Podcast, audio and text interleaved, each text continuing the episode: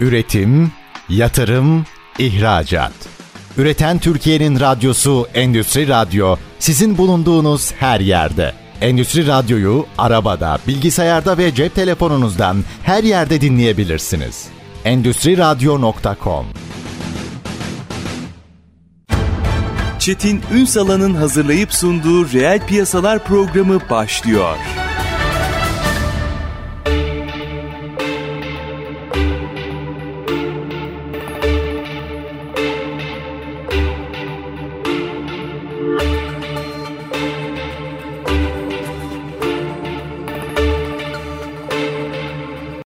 Piyasalardan merhabalar. Türkiye'nin gerçek gündeminde birlikteyiz. Efendim bugün Bulut bilişim pazarını konuşacağız. Pazarı konuşacağız. Bu pazardan yararlanmanın yollarını konuşacağız. Aslında dünya nereye gidiyor? Türkiye nereye gidiyor? Neler yapmamız gerekiyor? Buradaki potansiyel ne? Buna bakacağız. Yani Türkiye'nin rakamlarına baktığımızda aslında belki şöyle bir 410 milyar, 400 milyar lira civarında bir büyüklüğe sahip bir pazardan bahsediyoruz ama dünyaya baktığımızda bulut uygulama pazarının değeri 150 milyar doları aşıyor. Yine 2025 yılına kadar 100 GB veri de bulutta depolanacak. Bakıyorsunuz dünyadaki kurumsal verileri verilerin %60'ı bulutta depolanıyor ve bu hızla yayılıyor. Demek ki ekonomi artık burada şekillenecek ve burayı doğru okuyanlar, işletmeler açısından kastediyorum, doğru okuyanlar rekabette de öne geçmeyin ama en azından treni kaçırmayın noktasında konuşulması gereken başlık. Biz hepsini konuşacağız. Sohbet edeceğiz sizin için. Kıymetli bir konuğum var. Bugün Uyumsoft Bilgi Sistemleri ve Teknolojileri İş Geliştirme Direktörü Turgut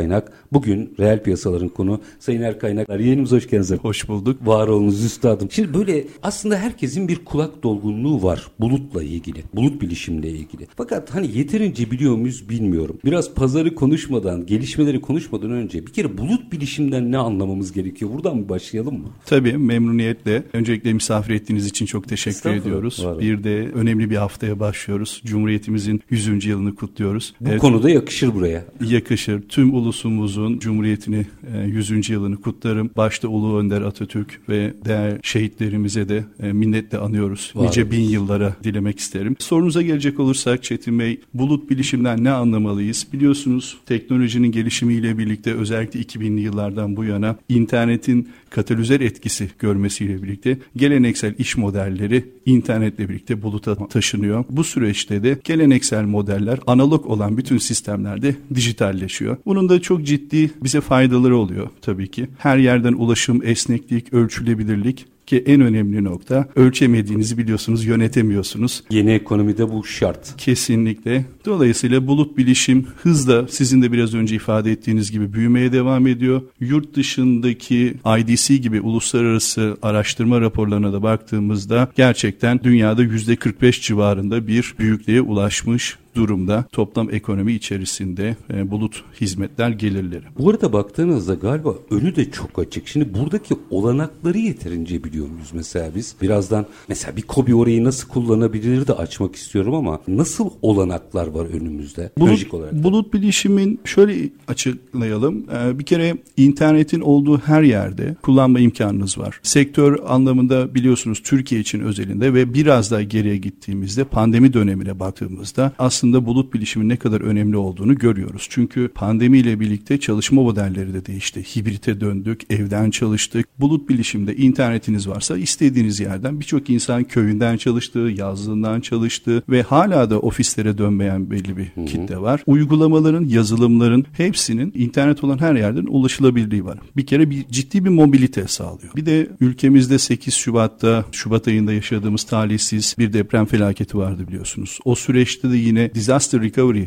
tarafında baktığınızda verilerinize her yerden ulaşabiliyorsunuz. Tamamıyla artık zaten güvenlik sağlanabiliyor ve havalimanından bir herhangi bir onay verebiliyorsunuz. Faturanızı görebiliyorsunuz. Kritik bir fabrikanızdaki üretime dahi bakabiliyorsunuz mobilite anlamında. Dolayısıyla ölçeklenebilir olması, yatırım altyapısının tamamıyla tahmin edilebilir olması ve en önemlisi de kullandıkça öde modelinde e, yatırım yapabiliyor olmanız. Bu, bu da COBİ'lerimize önemli bir açıkçası rekabet avantajı da sağlıyor. Orayı biraz açmanızı rica edeceğim. Şu açıdan geleceğim COBİ'lerin özelliğine ama eskiden mesela bu tip yatırımlar, ana serverlar vesaire ciddi ciddi maliyetlerden bahsediyorduk. Şimdi sanki bulut bilişimle birlikte herkesin ulaşabileceği demokratik bir rekabete mi geldik? Bu açıdan e, baktığınızda tabii ki eskiden daha yüksek bir ekonomik şart gerektiriyordu. İşte server, storage, depolama, bilgi işlem personeli gibi çok ciddi girdi maliyetleri vardı. Şu anda Uyumsoft gibi bizim sağladığımız olanaklar gibi buluta taşındığında donanım altyapısı gibi ihtiyaçlarınız olmuyor. Bilgi işlem personeliniz gibi ya da sürekli başında sürdürülebilirlik maliyeti oluşturan, gözetim maliyeti oluşturan noktalara çok fazla artık şirketlerimiz takılmıyor. Bu da önemli bir tabii ki girdi maliyetin azalması Kesinlikle. ve satış pazarlama alanında yatırımlar yapması, farklı gelişim alanlarına da para harcayabilmelerini sağlıyor bu anlamda baktığınızda. Bir de mesela lisanslar da tabii çok ulaşılabilir hale geldi. Tabii ki. Ee, eskiden bir program aldığınızda şey servet öderdiniz resmen. Tabii ki. Şimdi biz kiralama modeliyle bunları sağlayabiliyoruz. Bildiğiniz gibi bulut bilişimin en önemli noktası bir kiralama modeli. Ama burada her zaman en son versiyonda ürününüzü kullanabiliyorsunuz. Bu da hangi sektördeyseniz o sektörde ilgili rekabeti de yönetebilmeniz anlamına geliyor. Çünkü eski sistemde bir ürün alıyordunuz ama güncel versiyonda geçemiyordunuz. Belki de ürettiğiniz ürün biraz daha geçmiş teknoloji kalabiliyordu. Şu anda yoğun bir rekabet, ihracatı konuşuyoruz, uluslararası rekabeti konuşuyoruz. Döviz girdisini ve maliyetlerin aşağı gelmesini sağlamamız gerekiyor. Dolayısıyla bu açılardan baktığınızda bulut bilişim sahip olma, toplam sahip olma bedeli anlamında, rekabet yönetimi anlamında ciddi fırsatlar sağlıyor. Dünyada mukayese ettiğimizde biz neredeyiz? O konuda şöyle bilgi verebiliriz. Türkiye'de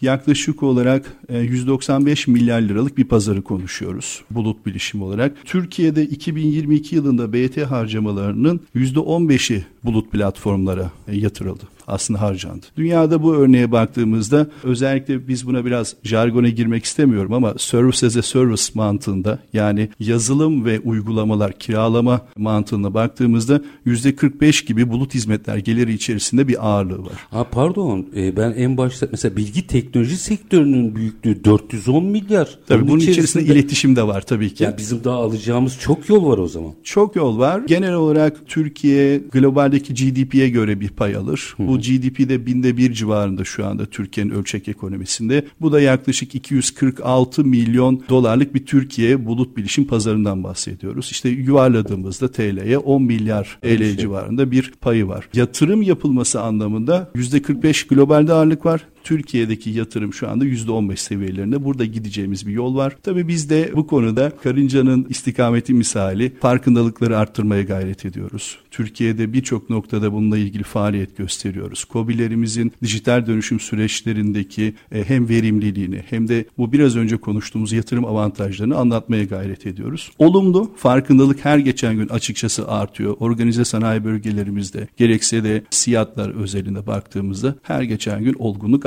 Şimdi o zaman bir iki üç dakika sonra bir araya gideceğim ama araya gitmeden önce şu ön yargıları bir kıracak bir şey yapalım. İki şey başlığı çıkıyor burada. Şimdi ismini söylemeyeceğim ama bir dernekte verilerini tutuyorlardı. Sohbet ederken dedim ki bunlarla ne uğraşıyorsunuz artık buluta taşısanıza.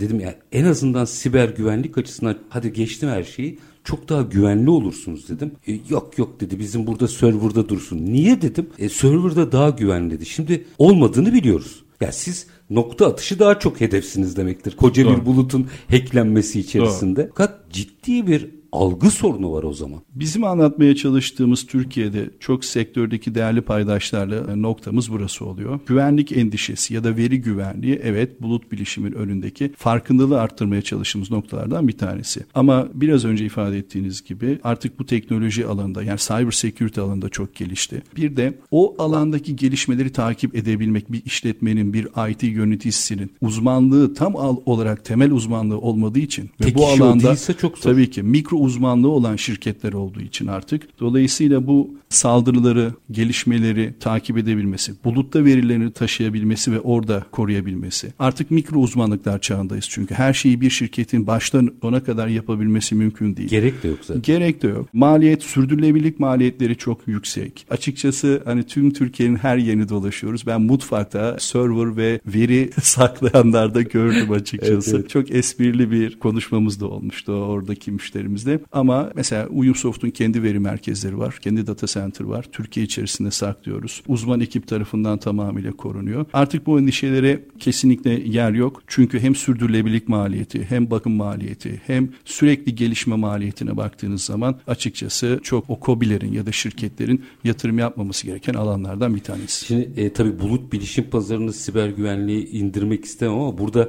hani defans noktalarını tabii konuşuyor. ki. Yoksa tabii. burada bir ekonomi ve verimlilik Tabii söz konusu. Onu şimdi Tabii birazdan ki. açacağım. Ama yine bir nokta daha var. Şu elimin altında olsun duygusu var ya. Mesela o konuyla ilgili de sohbet ettiğim bazı iş insanları diyorum ki peki elinin altında ne yapıyorsun? Duruyor diyor. Bu duran bir şey midir? Yani aslında bulut buluta attığınızda oradaki ekstra programlarla birlikte size ekonomi kazandırır noktasını nasıl anlatacağız? Şöyle elin altında olduğu zaman bir ekonomi kazandıramıyor. Çünkü günümüz Yastık ente- altı gibi bir şey. E, Tabii ki bir de oradaki verimliliğe baktığınız zaman aslında verimliliğin de düşük olduğunu gözlemliyoruz. Bazı veriler de araştırma raporları da bunu destekliyor. Şimdi en önemli şey de entegrasyon çağı artık. Yani müşteri ne istiyor? Müşteri aslında tek bir noktadan bütün ihtiyacı olan süreçleri birlikte yönetebilmek istiyor. Temelde ne yapar e, bir işletme? Üretim yapabilir, satış yapabilir, fatura kesebilir. Bir envanteri vardır, stok envanteri. Ama artık sadece bu kadar değil. E-ticaret var, entegrasyon gerekiyor. Başka servislere, yurt dışına, yurt içine, kargoya, kuryeye her yer entegre olması gerekiyor. Şimdi serverında durduğu zaman kendi serverında bunu nasıl yapacak? Hangi uzmanlıkla yapacak? Kim yapacak?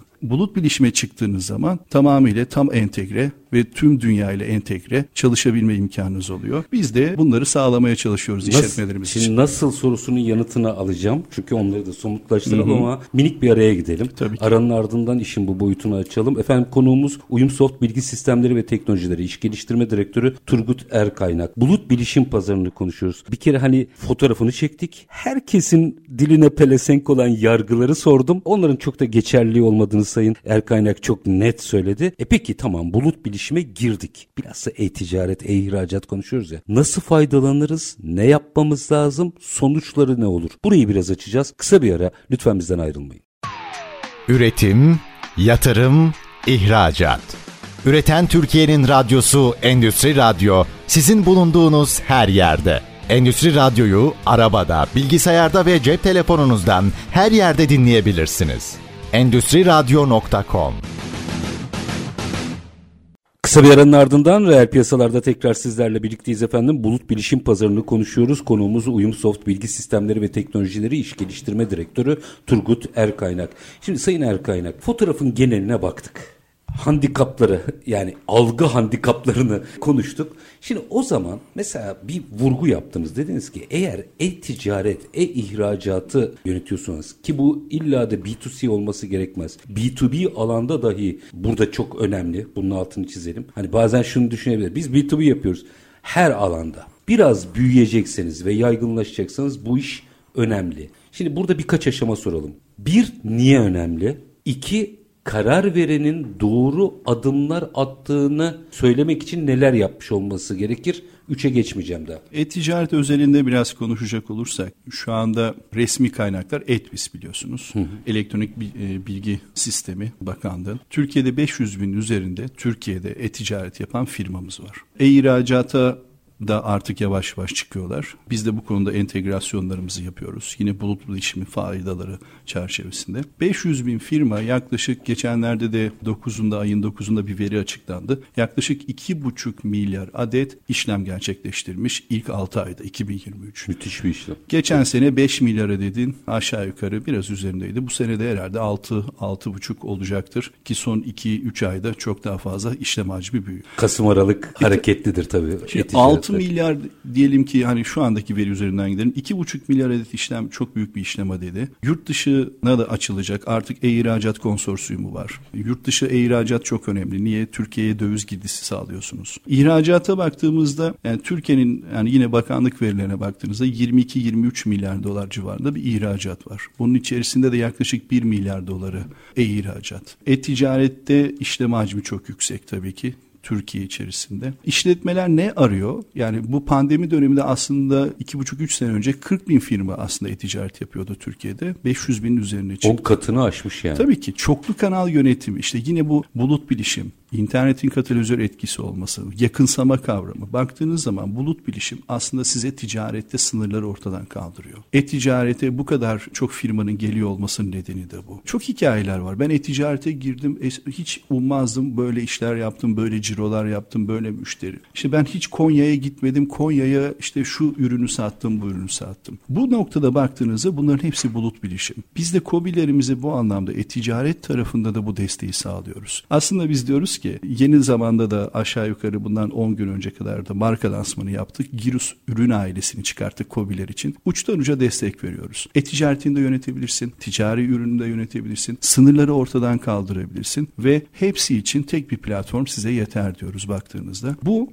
işte gelire ulaşabilme, farklı müşterilere ulaşabilme, rekabeti yönetebilme ve sınırları ortadan kaldırma anlamında önemli. E-ihracat şu anda çok trend bir konu. Çok konuştuğumuz bir konu. Hayati de bir konu bu arada. Tabii konsorsiyumun oluşturulduğu, devletin desteklediği, bazı teşviklerin verdiği ve şu anda da bu konsorsiyum içerisinde hap oluşturulduğu ve yurt dışına şöyle bir mantıkla yönetiyor. Aslında doğru bir strateji var burada. Eskiden e-ticaret ya da e-ihracat yapan firmaların o ülkenin kanununu, hukukunu, bilgisini, deposunu, her türlü şeyini bilmesi gerekiyordu. Ama burada atılan önemli adımlarla aslında bunları bilmenize gerekmiyor. Oluşturulan konsorsiyumdaki ve bizimle de entegre entegre olan bir tanesi. Onunla anlaşıyorsunuz ve yurt dışına bu gibi mevzuatları bilmeden de ürününüzü emin ellerle ulaştırabiliyorsunuz. Aslında bir anlamda ortak dil ve ortak mevzuat anlamına Tabii geliyor ki. bu değil mi? Tabii ki. Orada uzman işte akredite profillerle firmalarla bu işi yönetebiliyorsunuz. Biz de bu gelişmeleri çok yakından takip ediyoruz. İşte entegrasyon dediğimiz noktalar buralarda. Sürekli kullandığınız bulut bilişim tabanlı ticari yazılımı buralarda entegre olması ve sizi rekabette öne taşıyor olması gerekiyor. Türkiye'nin bu anlamda öne açık açıkçası. Hani bu benim kişisel görüşüm. Orada Ee, çok şey da pozitif. Açarsanız çok daha net anlaşılacak. Ben de e-ticaret ve e-ihracat yapıyorum.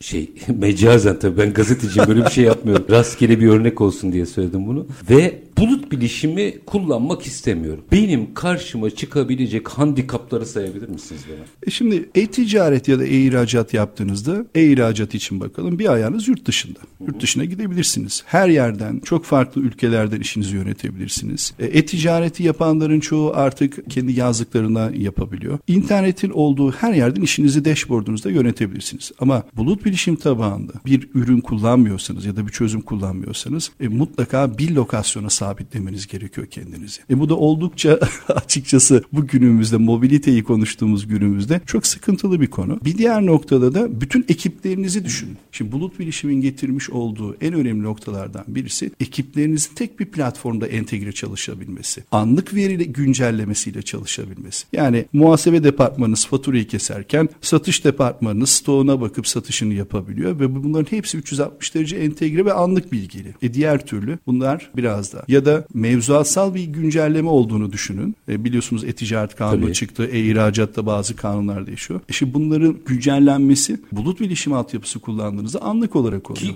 yönetmelikler çok daha sık değişiyor. Çok daha sık değişiyor. Biz bu konuda uzman ekiplerimiz e, regülasyonları yakın takip ediyor. Çünkü bir muhasebe altyapısı veriyorsunuz ticari yazılımda. İnsan kaynakları altyapısı veriyorsunuz. Dolayısıyla uzman ekipler bunları sizin için güncelliyor. Tıkla güncellemesini de size dağıtmış oluyor ve bütün ekipleriniz entegre bir şekilde çalışmaya da devam ediyor. Yani niyet güzel olabilir ama pratikte çok da uygulanabilirliği yok anladığım kadarıyla. Manuel veya konvansiyonel yöntemlerle. Tabii ki. Tabii orada da teknoloji oluyor ama teknolojinin konvansiyoneli diyeyim ben. Çok zor yani o iş. Hep birilerine ve dışa dış kaynak tedariğine ihtiyaç duyuyorsunuz aslında. İşinizi kendiniz yönetemiyorsunuz bir noktada. Ama diğer türlü bulut bilişimle tamamıyla kendi işinizi kendiniz yönetebiliyorsunuz ve birçok performans arttırıcı geliştirmeyi de anlık olarak alabiliyorsunuz. Verilerinize anlık ulaşabiliyorsunuz. Cep telefonunuzdan ulaşıyorsunuz, tabletinizden ulaşıyorsunuz ve oradan da yönetebiliyorsunuz. Bu anlamda da açıkçası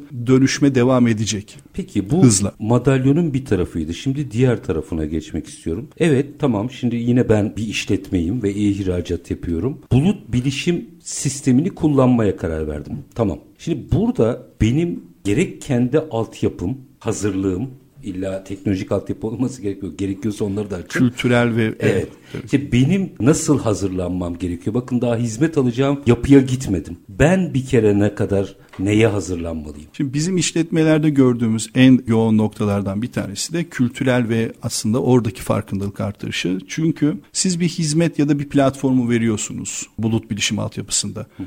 Ama o işletme eğer kültür olarak, kafa olarak hazır değilse e aldım kullanamıyorum. Evet. Yani kullanamıyorum. İşte o yüzden mesela bu noktada benim bahsetmem gereken çok önemli bir nokta. Uyumsoft'ta bizim oluşturduğumuz Uyum Akademi var. Uyum Akademi platformunda bu gibi farkındalıkları arttırdığımız, tüm ekosisteme açık kaynak olarak sağladığımız hem eğitimler hem de istihdam politikasına yönelik olarak da yetişmiş insan gücü sağlıyoruz. Çünkü sadece bir aracı, bir yazılım aracını almak ve her şey oldu tamam hazırım demek mümkün yani değil. o bir mucize yaratmıyor. Sizin Tabii onu kullanabiliyor olmanız Kullanabiliyor lazım. olmanız lazım. O kas gücünüzün gelişmiş olması lazım. Yetişmiş insan kaynağınızın e, tabii ki orada olmuş olması lazım. İşletmelerdeki en büyük nokta o kültürel dönüşüm. Orada da e, ikinci kuşağın gelmesiyle aslında biraz daha farkındalık artışı var. Biraz daha yurt dışına, yurt içindeki ticarete, çoklu kanal yapısındaki ticarete tam bir entegrasyon var. Bu da çok umutkar olmamızı sağlayan noktalardan bir tanesi. Peki yine bulut bilişime çıkmadım daha. Daha adımdayım. Sahip olmam gereken minimum teknolojik altyapı ne? Neye yatırım yapmış olmam lazım? Tabii şimdi şöyle oradan biraz verisel de konuşalım. Türkiye'de bizim ana faaliyet alanlarımızdan bir tanesi aslında üç ana faaliyet alanımız var. Bunlardan bir tanesi dijital servisler dediğimiz tamamıyla e-dönüşüm, e-fatura, e-arşiv fatura hizmetlerini sağladığımız alanımız. Orada da şöyle bir bilgi vereyim size. Yine resmi rakamlarda 1 milyonun üzerinde artık e-fatura mükellefi var. Şimdi bu ne anlamına geliyor Çetin Bey? 1 milyon şirket aslında bir fatura kesiyor, bir ürün satıyor, bir stok yönetiyor, bir muhasebe sistemi var demek. Bunu bir de 5 cari ile 3 cari ile çarptığınızda aslında Türkiye'de her şey artık elektronik altyapı üzerinden ilerliyor. Neye sahip olması lazım bir işletmenin? Temel sette yani temelde faturasını, carisini, stoğunu yönetebileceği bir altyapıya, bir yazılıma sahip olması lazım. Şimdi biz de burada Girus ürün ailesiyle bunu uçtan uca sağlıyoruz. Çok markaya girmeyin. Peki. anlaştık. Bu temel seti alabilirse stoğunu, carisini bir işletme neye bakar? Kime sattım? Hı. Ne sattım? Hangi karlılıkla sattım ya da hangi coğrafyada sattım. Bunları sağlayabilecek temel bir yazılım altyapısı, ticari yazılım altyapısı yeterli. Yani muhasebeden başlayarak hı hı. için içine tabii tahsilat vesaire her şeyi koydum. Tabii ki. Bu dijital altyapıya sahip olması gerekiyor bir. Bir, entegre olması gerekiyor her şeye artık. İki, çünkü çoklu kanal yapısında ben bugün Eskiden kendi satıcılarımla satıyordum diyelim ki bir işletme olarak ama şimdi işte sosyal medyadan satış yapabiliyorum, e-ticaretten satış yapabiliyorum, telemarketingden satış yapabiliyorum. Birçok çoklu kanaldan yapabiliyorum. Dolayısıyla bunları takip etmesi, bunların geri dönüşüm oranına bakması, o kanalların karlılığına bakması ve dış ekosisteme entegre olması gibi birçok alanın artık tek bir platformda olması gerekiyor. Şimdi burada o sahip olması gerektiği ne bunu ikna etmeye çalışmakta en o zor zanaat kısmı oluyor açıkçası. Peki ben sahip olmaya ikna oldum. Buraya girdim. Yani bu bulut bilişim altyapısına kadar geldim. Evet. Gerekli detayları da yaptım. Şimdi minik bir araya gideceğim. Aranın ardından şunu konuşalım istiyorum. Şimdi girmek hani dediniz ya satın almak nasıl bir işe yaramıyorsa girmek de bir işe yaramıyor. Benim ondan sonra buradaki operasyonu yönetiyor ve tam da sizin uzmanlığınıza iş geliştiriyor olmam lazım. Tabii. Bulut bilişim içerisinde. Bunların biraz yolu yordamı belki böyle isim de vermeden örnek vakalarla da bizde paylaşırsanız sevinirim. Çünkü bir firma oraya girdiğinde nerelere gidebilir görmek istiyorum. Ama minik bir ara aranın ardından konuşalım bunu. Efendim Uyumsoft Bilgi Sistemleri ve Teknolojileri İş Geliştirme Direktörü Turgut Erkaynak konuğumuz. Kısa bir ara aranın ardından bulut bilişim pazarını konuşuyoruz. Lütfen bizden ayrılmayın. Üretim, yatırım, ihracat. Üreten Türkiye'nin radyosu Endüstri Radyo sizin bulunduğunuz her yerde. Endüstri Radyo'yu arabada, bilgisayarda ve cep telefonunuzdan her yerde dinleyebilirsiniz. Endüstri Radyo.com Kısa bir aranın ardından reel piyasalarda tekrar sizlerle birlikteyiz. Konuğumuz Uyumsoft Bilgi Sistemleri ve Teknolojileri İş Geliştirme Direktörü Turgut Erkaynak. Bulut bilişim pazarını aslında bu pazardan firmaların nasıl yararlanması gerektiğini konuşuyoruz. Pazarı da buradaki pazarın aktörlerinin globalleşmesine de değineceğiz. Ama ilk önce şu noktaya gelmiştik. Yargılarımızı açtık, gerekli yatırımları yaptık ve artık bulut bilişim pazarından yararlanacak bir firma haline geldim ben. Şimdi iş burada bitiyor mu? Demin dediniz ya yazılımı aldınız e şimdi bulut bilişime girdim. E ondan sonra şimdi benim burada e, bir kere nitelikli eleman vesaire çok güzel orada nelere hazırlanmam gerektiğini söylediniz. Şimdi sadece rutin yaparsam dünyadaki milyonlarca işletmeden biri olacağım. Benim bu pazarda dijital olarak olmanın dışında iş geliştirme kasımı nasıl geliştirmeliyim ve neler yapabilirim tabii. Şöyle biraz giriş yapalım. Şimdi her işletmenin birçok sektör var biliyorsunuz. O sektörde faaliyet gösteren işletmeler var ve herkesin kendine münasır bir ekosistemi var. Hı hı. O ekosistemde bir paydaş ekosisteminde yaptığı işler var. Dolayısıyla örnek verelim bir araç alım satıyor, alım satımı yapıyor olabilir o işletme. Bulut bilişim altyapısıyla o sektördeki paydaşlarına entegre olabilir ve veriler karşılıklı gidip gelebilir anlık olarak ve kendi dashboardunda sektörüyle ilgili bilgileri takip edebilir. Finansal alanında, finansal teknoloji alanında bir faaliyet gösteriyor gösteriyordur. Yine aynı şekilde bu entegrasyonları yapabilir ve anlık olarak verilerini takip edebilir. Şimdi mikro uzmanlıklar çağında olduğumuz için dolayısıyla artık bu gibi entegrasyonları API altyapısıyla, bulut bilişim altyapısıyla çok rahat yapabildiğimiz için burada bütün bütün engeller ortadan kalkmış oluyor. Çok özelleştirebiliriz de bu konuyu. Yani şöyle ben bir işletmeyim. Bir dış bir PDKS yani personel takip sistemi yazılımıyla entegre olmam gerekiyor. Evet bulut bilişim altyapısında onunla da entegre olabilirsiniz. Zaten en çok kullanılan kullanılan yöntemlerden biridir. Çalışanları takip edebilirsiniz. Ya da yine kendi ekosisteminizde IoT altyapısı kullanan ya da IoT altyapısı sağlayan bir ekosistemde bir paydaşınız vardır. Fabrikanızdaki makinelerin enerji verimliliğini takip etmek istiyorsunuzdur. Orada bir entegrasyon yapabilirsiniz ve analog olan bir makineyi dijital hale getirip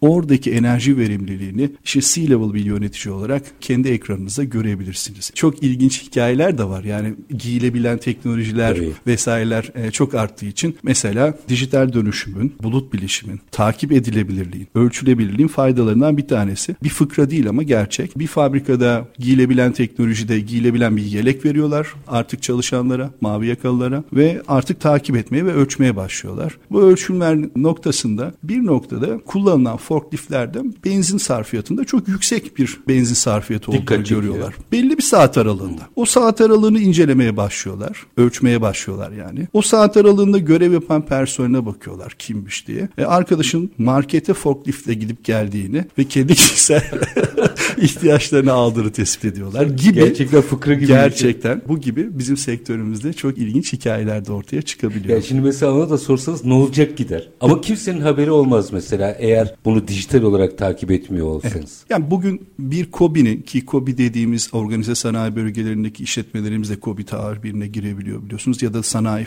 e, şirketlerinin yüzde ikilik yüzde üçlük enerji verimliliği sağlayabilmesi çok önemli bir rekabet avantajına sağlıyor. İşte bu bulut bilişim altyapısıyla bu entegrasyonlar onların karlılıklarına katkı sağlıyor. Bir işletme ya satın alma yaparken kazanır biliyorsunuz ya da üretimdeki ya da ürettiğindeki Proses süreçlerindeki süreçleri. proseslerinden verimlilik artışından kazanabilir. Dolayısıyla aslında bunları sağlamak istiyorsa evet aldım, kullanıyorum, entegre oluyorum ve ölçüyorum ve yönetiyorum. Aslında As temel hikaye bu. Aslında üstad Dijital dönüşüm dediğimizde bu değil mi? Yani biz çok üst başlık açıyoruz ama bu kadar basit aslında. Doğru. Çok deniz bir derya. Dillere pelesenk olmuş bir yapıda ama İçi de çok boşaltıldı bu arada. E, yani takdir buyurdunuz. Mikro olarak baktığınızda biraz daha verimlilik ve gerçekten işletmelerin dönüşümü anlamında baktığımızda ki hani biz onu konuşmamız daha doğru olur. Gerçekten de dijital dönüşümün sayısız faydası var. Eskiden defterle, kara defterle tutan işletmelerin artık aa bu böyle öyle? Burada da bu müşteri de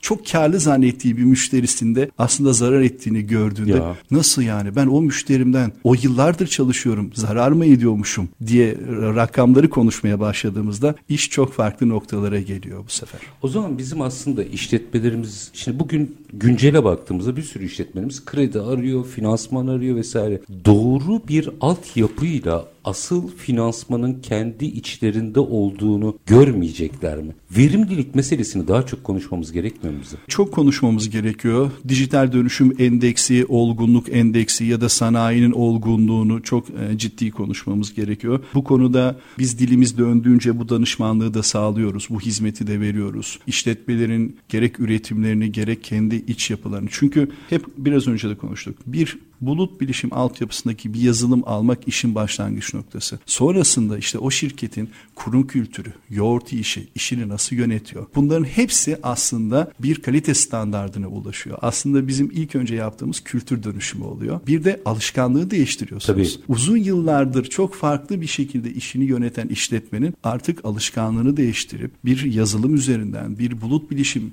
çözümü üzerinden takip etmesini sağlıyorsunuz. En zorlandığımız kısım da burası. Kitapları bile var. Alışkanlıkları değiştirmek en zor konu. Orada burada kimsenin gözü korkmasın değil mi? Ya bunlar çok şöyle şimdi işin içine bilişim ve yazılım girince herkesin normal bir işletmenin çalışanlarından bahsediyorum. Herkesin gözü biraz korkuyor. Aslında bu çok pratik yöntemlerle kullanılabilecek ve öğrenilebilecek bir şey. Kesinlikle öyle büyük bir endişe yaşanmasına gerek yok. Yazılım yapmanızı istemiyor kimse Şimdi, yani. Burada da birkaç tane örneklendirelim aslında. Şöyle 2000'lerin başında biz yakınsama kavramı diye bir kavramı konuşuyorduk. Sizin çok uzman olduğunuz. Çünkü ne, neydi yakınsama kavramı? Görsel medyanın, yazılı medyanın internetle birlikte ve telefon altyapısıyla birlikte hepsinin bir araya gelmesi ve bütünleşik bir çözüm haline gelmesiydi. Şimdi şu anda 20 yıl kadar bir zaman geçti geçti. Hepimiz çeşitli aboneliklere sahibiz. Telefonlarımız var akıllı. Hepsini tek bir platform üzerinde kullanıyoruz. Doğru. Şimdi şu anda yaşadığımızda da aslında bulut bilişim bireysel olarak kullanıyoruz. Kurumsala geçtiğimizde yani işletmeler üzerine geçtiğimizde yapay zeka ve bulut bilişimin entegrasyonu çok ciddi derecede dönüştürecek ve hepimiz aslında şu anda chat GPT'yi biliyoruz. Herkes bir şekilde bir deneme yapıyor. Tabii. Aslında entegreyiz. Aslında o dönüşüm zihinlerimizde var. Kurumlara geldiğimizde bunu yapabilmek biraz daha tabii ki zor. Ama mesela çok yakın gelecekte bulut bilişim merkezde Yapay zeka tamamıyla entegre olacak. Bunun örneklerini geçtiğimiz bir aylık zaman içerisinde de görüyoruz. Yapay zeka aslında size yavaş yavaş da bulut bilişim altyapısı üzerinden diyecek ki şu müşterine faturayı şu rakamdan kes, şu müşterindeki karlılığına dikkat et, üretiminde şu prosesinde şu alandaki makinalarına bak gibi çok ciddi çıktılar verecek. Şu an yapay zeka chat GPT biliyoruz ama videolarında, pazarlama alanında, üretim alanında, IoT alanında çok farklı yapay zeka örnekleri var. Yakın gelecekte de bulut bilişim ve yapay zeka ayrılmaz bir yakınsama bir şey olacak. Özellikle az konuşulan B2B tarafında. B2B tarafında. Şöyle düşünelim Çetin Bey. B2B tarafında Bulut bilişim altyapısı kullanıyorum. Hep entegrasyonda konuştuk ya. Yapay zeka ile entegreyim. Her şeyimi ölçebilir noktadayım. Okey. Size karar verme sistemlerinde çok ciddi çıktılar sağlıyor olacak. Çok ciddi verimlilik artışı sağlıyor olacak. O yüzden korkmamak lazım. Hazır olmak gerekiyor. Hazırsanız zaten sektörde çok değerli paydaşlar var. Bu hazırlığı B2B kurumlara destek veren bizim gibi. Dolayısıyla hiç korkmamak gerekiyor. Bu entegrasyona, bu dönüşüme hazır olmak ve yatırımı yapmak gerçekten de önemli. Ki son yıllarda işte 2022'de BT harcaması bulut bilişimde %15'e çıktı. Yani yaklaşık iki kat iki kat olarak devam ediyor. Kurumlarımız da buraya doğru yatırım yapmaya hızla geliyor açıkçası. Minik bir ara soru sormak istiyorum. Şimdi yıllardır bu işin içindesiniz. Yani siz o süreci yaşayanlardansınız aslında. İşin uzmanı olarak yaşayanlardansınız. Şeyi çözebiliyor musunuz? Ya mesela biz teknolojiyi reddeden bir yapı olsak bunu anlayabilirim. Çok mantıklı şey değil. Reddetmek mantıklı değil. Burada direnmeyi anlayabilirim. Evindeki fırını telefonuyla kontrol eden bir insanın söz konusu olan fabrikası olunca direnmesini anlayamıyorum ben. Şöyle bir direnç var gibi görünse de aslında ikinci kuşakla birlikte çok ciddi bir dönüşüm ve yatırım şeyi de var, altyapısı ya da var. Entegre değil mi? Örnek onu gösteriyor. Tabii ki, tabii ki. Yani Wi-Fi'inden tamamıyla deposunu anlık hareket sensörleriyle takip eden çok kıymetli işletmelerimiz de Elbette. var. Yani tabii genele ki, yayılsın istiyoruz Tabii zaten. ki genele yayılsın, tabana yayılması bizim en büyük arzumuz. Bir de çok büyük bir hızla bir gelişim içerisindeyiz Çetin Bey. Ben 25 yıldır bu sektördeyim. 2-3 ay takip etmeyeyim ya da bir hafta takip etmeyeyim. Gerçekten cahil pozisyonda düşebiliyorsunuz. O kadar hızlı gidiyor. O kadar yani. hızlı gidiyor. Anlık olarak her şey değişebiliyor. Her yerden bilgi gelebiliyor. İşte büyük bir veri oluştu artık. İşletmeleri de şöyle değerlendirelim. İşletmeler büyüdükçe ürettiği veri de büyüyor. Bu veri içerisinde anlamlı bir çıktı ya da nereye bakacağını idrak edebilmesi, süzmesi de çok önemli. Şimdi bulut bilişim altyapısı, yapay zeka entegrasyonu bunu da sağlıyor olacak yakın zamanda. Yani verinin bilgiye dönüşmesinden Aynen. bahsediyorsunuz. Çünkü işte biraz önce e-ticareti konuştuk. 2,5 milyar adetlik bir işlem hacminden konuştuk. O kadar bir fatura var. O kadar büyük bir bilgi var. Stoklar, cariler. Nereye bakacağım? Nasıl bakacağım? İşte bunların hepsinin tamamıyla anlamlı bir veri olarak, bir çıktı olarak takip edilebilmesi en önemli nokta. E, Burada da dönüşmek gerekiyor. Çünkü artık deftere yazarak ya da bir Excel'de tutarak bunu yönetemeyeceği için tamamıyla akıllı, iş zekası uygulamalarıyla bunları yönetebilir durumdalar. Firma ismi vermeyin lütfen. Öncesi ve sonrası şahitliğiniz çok olmuştur. Daha önce bu sistemlere geçmeyip böyle bulut bilişimi kullanarak bu sistemlere geçen bir firmayı göz önüne getirin ne olur? Ne kadar büyük bir değişim oluyor? 10 kat, 15 kat büyüyen şirketler var iş hacmi olarak. Bu kadar yani. Tabii. Yani özellikle çoklu kanal altyapısıyla, e-ticarete açılmasıyla, yurt dışına açılmasıyla, yurt dışına gitmeyelim, yurt içerisinde ulaşılabilirlik sağlamasıyla, biraz dijital kanallarına yatırım yapmasıyla çok ciddi iğme kazanan işletmeler var. Yani yurt dışı için mesela sektördeki paydaşlarımla hep konuştuğum için ne gidiyor yurt dışında? Hangi ürün gidiyor? İşte TV ünitesi gidiyor. Bugün Bursa'da İnegöl'de mobilya üreticilerinin birçoğu başka platformlar üzerinden yurt dışına yani başka platform dediğim yurt içi pazar yerleri değil yurt dışı pazar yerleri üzerinden büyük bir hacim yakalayabiliyor. Yurt içerisinde işlem hacmi durduğunda ya da bir dönemsellik olduğunda yurt dışındaki işi devam edebiliyor. Dolayısıyla bu entegrasyon, bu dönüşüm kurumlara ciddi bir iş hacmi ve karlılık olarak geri dönüyor. Yani doğru işi yaparsak bizim de yüzyıllık kurumlarımız olacak. Kesinlikle olacak ve Türkiye'deki üretim, imalat zaten ihracata da baktığımızda imalatın payı %75 civarlarında. İmalat sektörümüz çok kaliteli. Aranan durumda. Bu işletmelerimizin çoğunun yerli belgesi de var artık. O işleri niye yurt dışında da bunlar yok, bu zanaatlar yok. Niye açmayalım, niye ulaştırmayalım? Üretmekle ilgili zaten hiçbir sıkıntımız yok. Para kazanmakla ilgili bir sıkıntımız var. Onun da yolu aslında bu verimliliklerden geçiyor galiba değil mi? İki dakikam var. İki dakikada da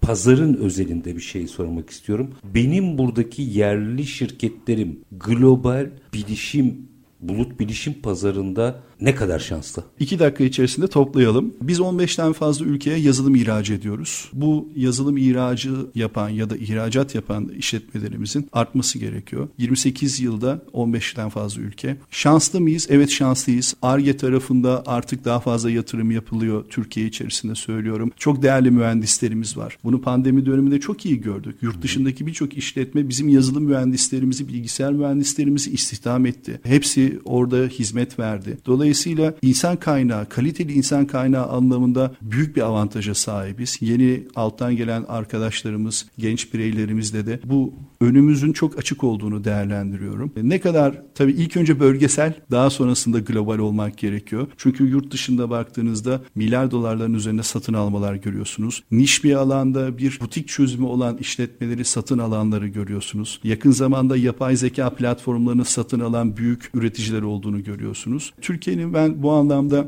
yolun açık olduğunu düşünüyorum. Çünkü yurt dışında dahi bizim işbirliği yaptığımız Türkiye'den firmalarımız var. Buradaki firmalarımız yurt dışına gitmişiz, orada ofis açmışız ve o coğrafyada birlikte hareket edip işbirliği yapıp o coğrafyanın dijital dönüşümünü de birlikte sağlıyoruz. Sayımızın tabii ki artması gerekiyor. Türkiye'de şu anda hani resmi bilgilere baktığımızda, bakanlık bilgilerine baktığımızda 97 bin civarında bir bilişim şirketi görünüyor teknoparklarda ve diğer platformlarda. Bunların yüksek teknoloji, orta yüksek teknoloji üreterek döviz girdisi sağlaması tabii ki çok kritik ve önemli ülkemiz açısından da. Hatta hayati öyle diyeyim. Süren bitti. 25 yıl önce bu sektöre girdiğinizde bugünleri hayal etmiş miydiniz? Şahsi bir şey sorup veda Şöyle ben bazen bazı konuşmalarımda esprili cevap veriyorum. Dijital dönüşüme nasıl başladık diye. Biz açıkçası fakstan e-mail kullanımına geçişi anlatmakla başladık.